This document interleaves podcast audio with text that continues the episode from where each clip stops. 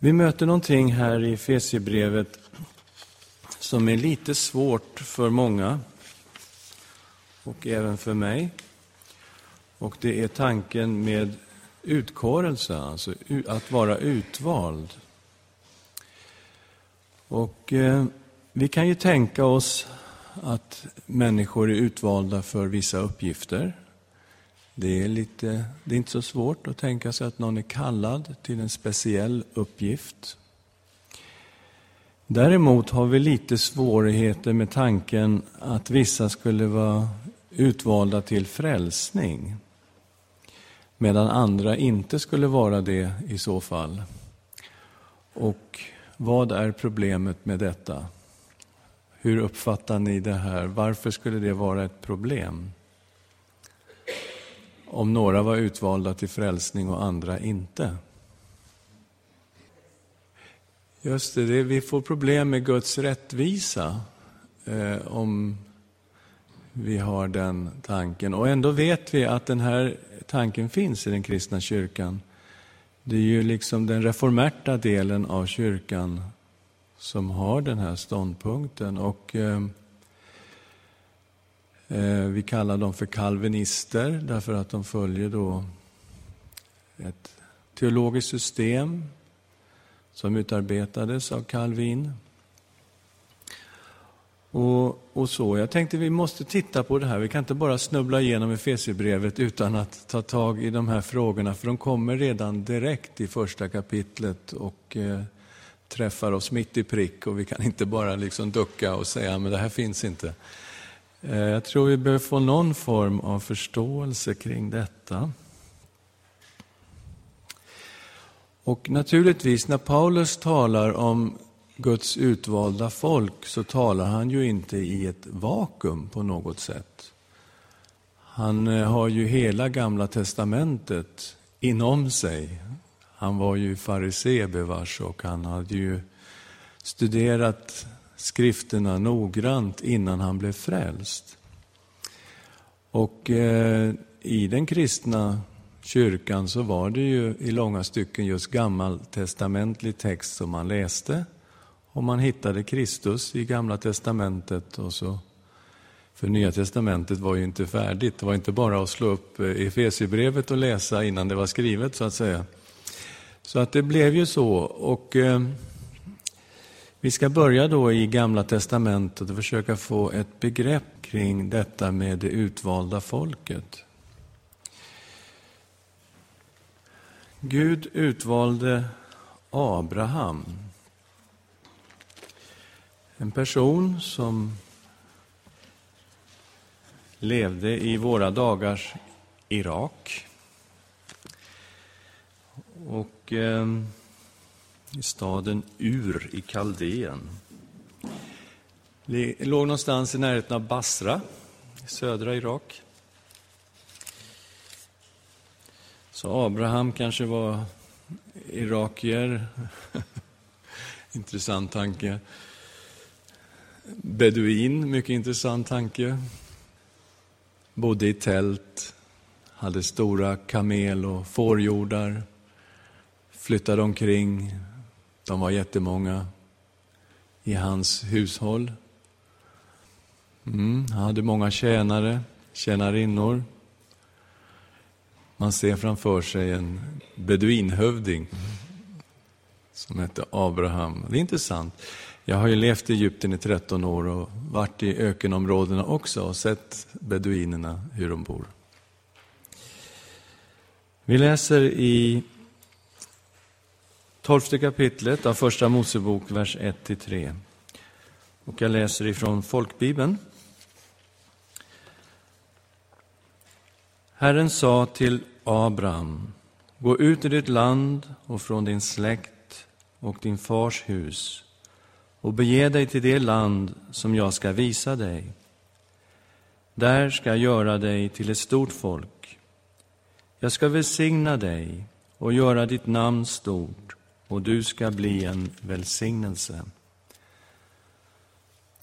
Jag ska välsigna dem som välsignar dig och förbanna den som förbannar dig. I dig ska alla släkter på jorden bli välsignade. Och man kan säga, tror jag med rätta, att resten av hela Bibeln kan läsas in i de här första tre verserna av eh, tolfte kapitlet i Första Mosebok. Gud kallar ut en man.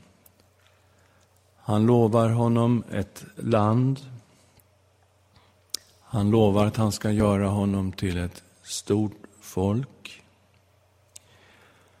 Och att han ska välsigna honom och göra honom till en välsignelse.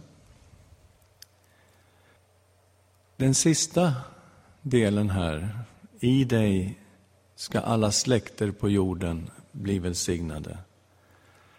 Här förstår vi löftet om Messias börjar ta form. Och från Abraham kommer att komma en och genom den personen kommer alla släkter i hela världen att bli berörda av Guds välsignelse.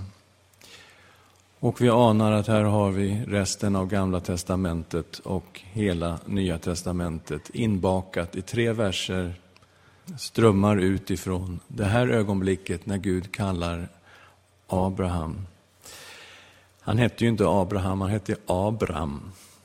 Men sen fick han namnet Abraham. Han var gift med Sara och barnlös. Mm.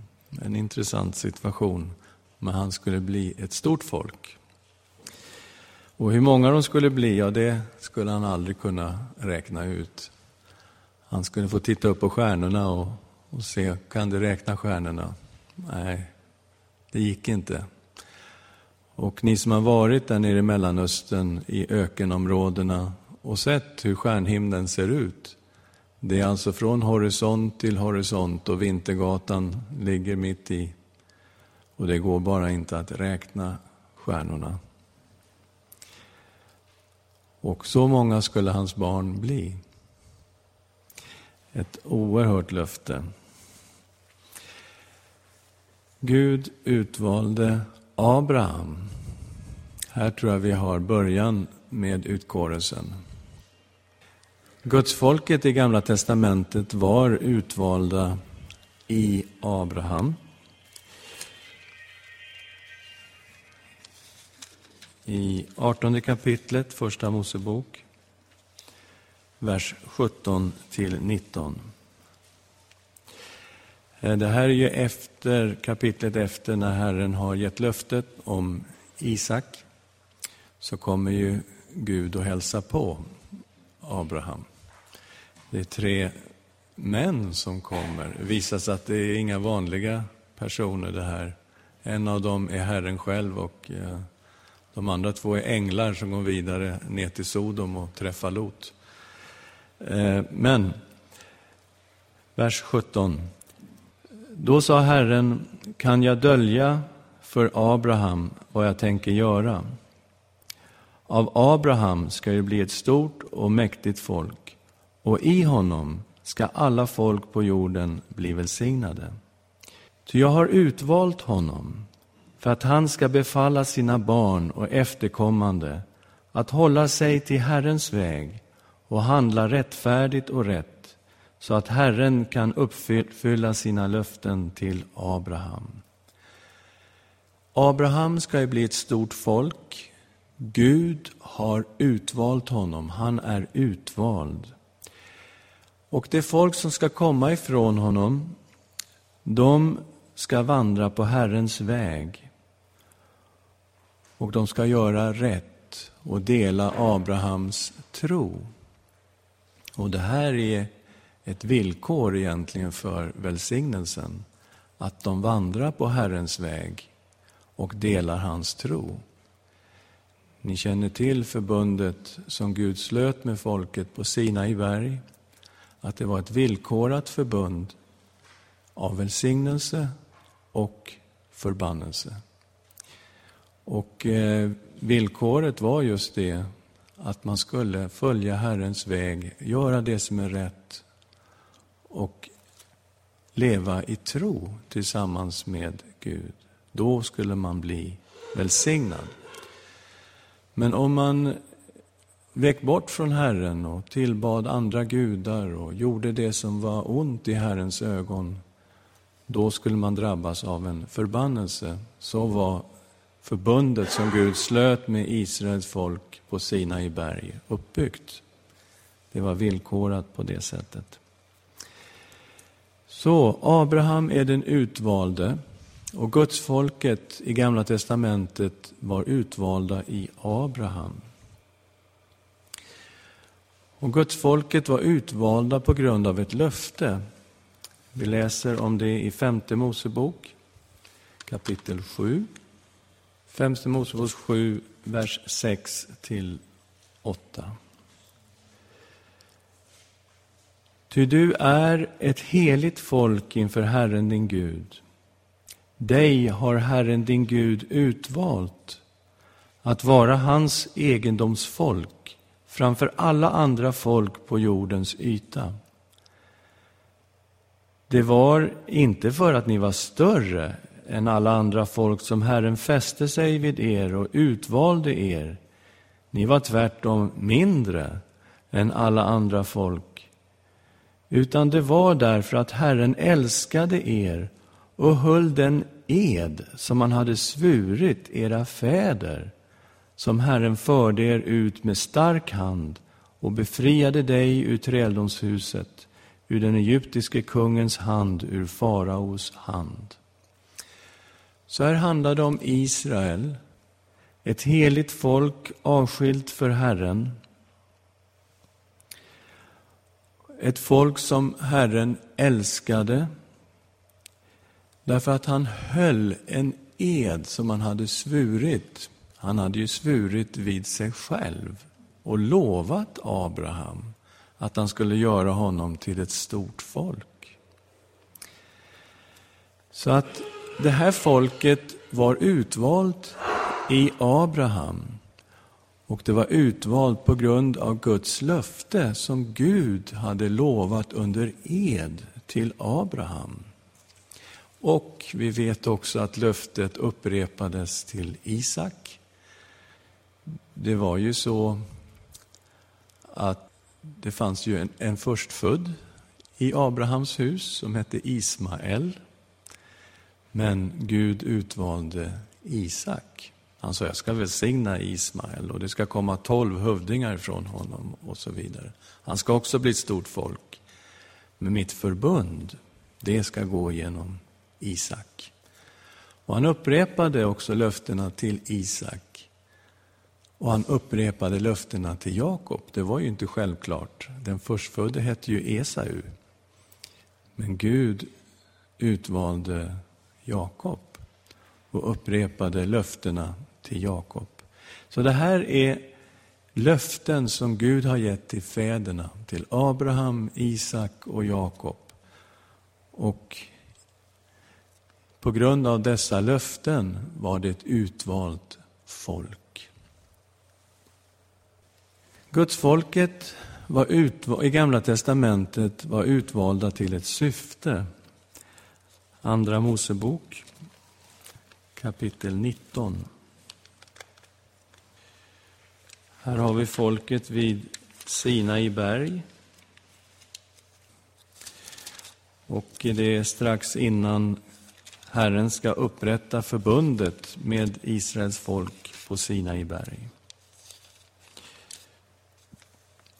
Kapitel 19, vers 5 och 6. Om ni nu hör min röst och håller mitt förbund ska ni vara min dyrbara egendom framför alla andra folk ty hela jorden är min. Ni ska för mig vara ett rike av präster, ett heligt folk. Detta är vad du ska tala till Israels barn. Eh, oerhört viktigt att Israel överlät sig till Herren och höll förbundet som Gud nu skulle sluta med folket på Sinai berg. De skulle vara ett rike av präster, ett prästfolk bland alla folk på jorden. Men som man ser framför sig Israels folk med alla stammar och så fanns det en präststam i Israel, Levis stam och den utvalda Arons familj som prästfamiljen. Och prästernas uppgift i Israel, det var ju dels att undervisa folket om Herren, men också att leda folket inför Gud genom tillbedjan, men också hela kulturen som fanns, att bringa försoning för Israel inför Herren. Det här skulle vara ett prästfolk bland alla folk på jorden. Man hade ett uppdrag, man kan säga ett missionsuppdrag, att tala om Herrens förunderliga gärningar och vem han är, denne Gud, bland alla folk på jorden, så att folken skulle få höra om Gud. Det här var ett uppdrag som Israel hade. Och det är klart att man kan ha synpunkter på hur det här uppdraget genomfördes i gamla testamentlig tid. Eh, faktum är att det fungerade bäst när allting gick åt skogen, eh, det vill säga när folket hade vandrat bort ifrån Gud och de hade börjat dyrka många avgudar och Guds domar gick fram över Israel. Folket fördes bort i fångenskap. Jerusalem förstördes. Templet utplånades 586 f.Kr. Och man hamnade i en fångenskapssituation där profeten Daniel var ett vittne om himmelens Gud. Och det fick ett genomslag i hela det babyloniska riket och i det persiska riket. Och vi har Esra, vi har Nehemja, vi har Ester som vittnade på sitt sätt om Herren bland folken. Så hela den här missionstanken fungerade alldeles strålande när allting gick åt skogen och Guds folket blev utstrött bland hednafolken. En väldigt intressant eh, iakttagelse. Men de hade ett syfte och det var att vara ett prästfolk åt Herren bland alla folk på jorden. Man kunde komma in i det här gudsfolket trots att man inte etniskt var jude. De möjligheterna fanns och det ser vi i Gamla testamentet. Och det är tydligt till exempel i Ruts bok, eh, där moabitiskan Rut figurerar. Och hon var ju änka, Rut, men följde sin svärmor Nomi. Och de var i Moabs land, kapitel 1, vers 15 till 17. Eh, och Nomi vill gå tillbaka hem. Hon kommer från Betlehem, och eh, ni som kan Ruts bok, ni vet att hon kommer in i Davids släkttavla och hon kommer in i Jesus släkttavla. Men hon är moabitiska från ett annat folk.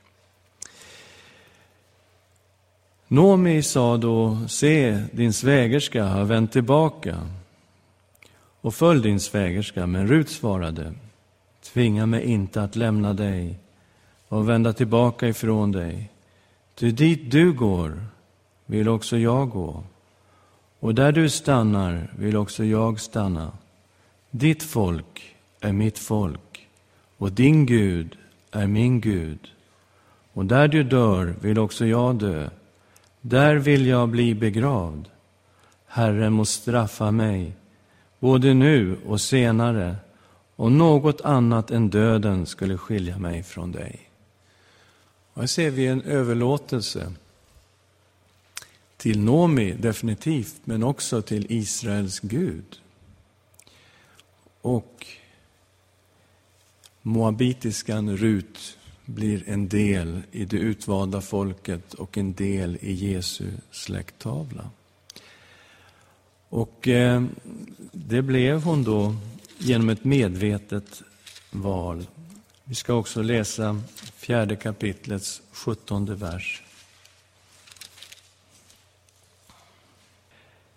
Grannkvinnorna gav honom ett namn och sade Nomi har fått en son.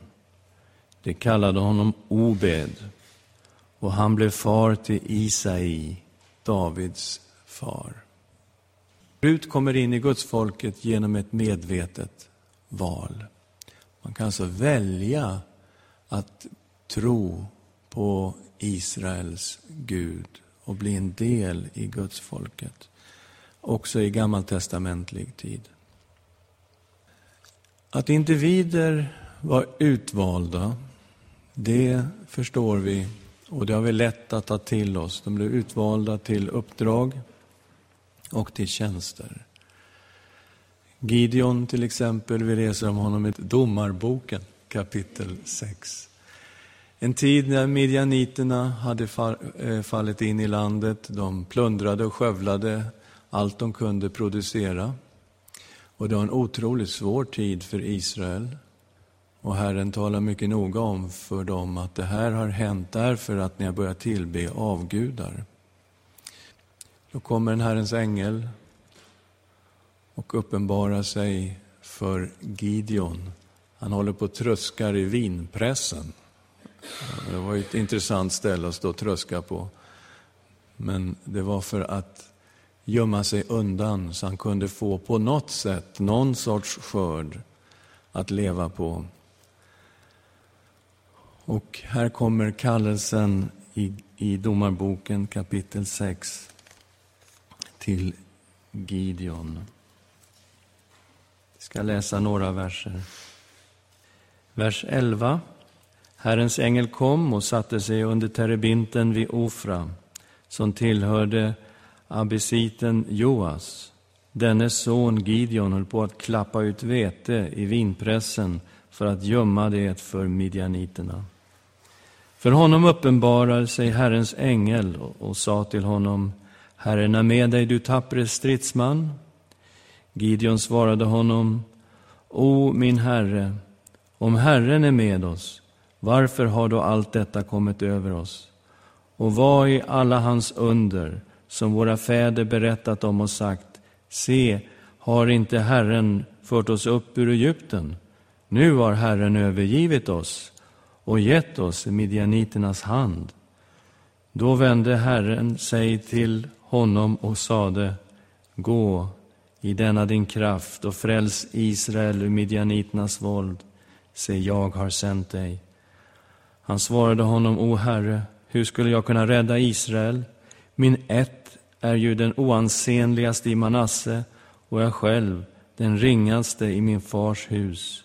Herren sa till honom, jag är med dig och du ska slå midjaniterna som det vore en enda man. Och eh, här står då Gideon och säger, vem är jag? Jag är ju den ringaste i min fars hus och min ett är den oansenligaste i Manasses stam. Men det som för världen var svagt och ringa, det utvalde Gud. Och så utväljer Gud Gideon. Och eh, vi vet ju sen hur han med en liten fjuttig armé på 300 personer eh, ska besegra en armé på 135 000. Och det finns ingen som förtröstar på sin egen kraft eller förmåga, utan det är bara Gud som kan ge seger. Och i den här situationen uppenbarar Gud sin kraft och ger seger till Israel. Och eh, Gud utvalde Gideon. Gud utvalde David, första Samuelsboken, kapitel 16. Eh, Samuel hade fått klart för sig från Gud att en av Isais söner kommer att bli nästa kung efter Saul. Du ska gå dit och smörja honom med olja. Men Samuel vet inte vem det är. Han går dit, han träffar alla de här. Och han tänker när han ser äldste sonen, ståtlig figur, Eliab, det är nog han. Men Gud säger, det är inte han. Titta inte på det yttre. Jag ser till det inre, jag ser till hjärtat. Nej, det är inte han. Så kommer de den ena efter den andra. Sju stycken söner går framför Samuel och det är ingen av dem. Herren säger nej, det är inte han, nej, inte han. Nu är det slut på hela raden söner och Samuel säger, men är det här verkligen allihopa? Har du ingen annan son? Ja, vi har den här grabben, vi har lämnat honom ute bland fåren, det var ingen som tänkte på honom. Jaha, David. Hämta David. Så när han kommer, han är det, sa Gud. Och så smordes han med olja och Guds ande kom över David från den dagen. Men det som i världen var svagt och ringa, det utvalde Gud. Och så utväljer Gud David framför alla hans bröder och kallar honom till kung i Israel. Gud kallade personer, han kallade Jeremia. Och det intressanta med Jeremia är att Gud säger till honom, innan du var född utvalde jag dig. Det är ganska tidigt, eller hur? Ja. Vi ska titta på den. Jeremia bok, kapitel 1. Vi läser från vers 5. Innan jag formade dig i moderlivet utvalde jag dig. Och innan du kom fram ur moderskötet helgade jag dig. Jag satte dig till en profet för folken. Men jag svarade, O Herre, Herre, jag förstår inte att tala, ty jag är för ung. Då sa Herren till mig, säg inte, jag är för ung, utan gå, vart jag än sänder dig och tala vad jag än befaller dig. Frukta inte för dem, ty jag är med dig för att rädda dig, säger Herren. Och Herren räckte ut sin hand och rörde vid min mun och sa till mig, se, jag lägger mina ord i din mun, jag sätter dig idag över folk och riken, för att du ska rycka upp och bryta ner, förgöra och fördärva, bygga upp och plantera. Herrens ord kom till mig, han sade, vad ser du, Jeremia? Jag svarade, jag ser en gren av ett mandelträd. Herren sa till mig, du har sett rätt. Jag ska vaka över mitt ord för att fullgöra det. Så Jeremia var kallad, han var utvald, men utkårelsen av Jeremia till att bli profet börjar innan han var född. Så vi ser i Gamla testamentet individer, personer utvalda till uppdrag och tjänster. Eh, och jag vill trycka lite på just det. De hade speciella uppdrag och speciella kallelser. Så Abraham var utvald. Gudsfolket var utvalt i honom. Men, och det här är en viktig fråga, var gudsfolket i Gamla testamentet utvalda till automatisk frälsning? Vad säger ni på den frågan? Ja, jag svarar ett mycket tydligt nej. De var inte utvalda till automatisk frälsning. Men utvalda till ett syfte. Hela folket var ett prästfolk inför Herren, bland alla folk på jorden. Och de hade ett uppdrag. Och det fanns individer som var utvalda med mycket speciella kallelser och till speciella tjänster. Eh, det här är ett försök att få ett helhetsgrepp kring utkårelsen i Gamla testamentet. Hur ska vi koppla ihop de här två bilderna med Gamla testamentet och Nya testamentets utvalda folk?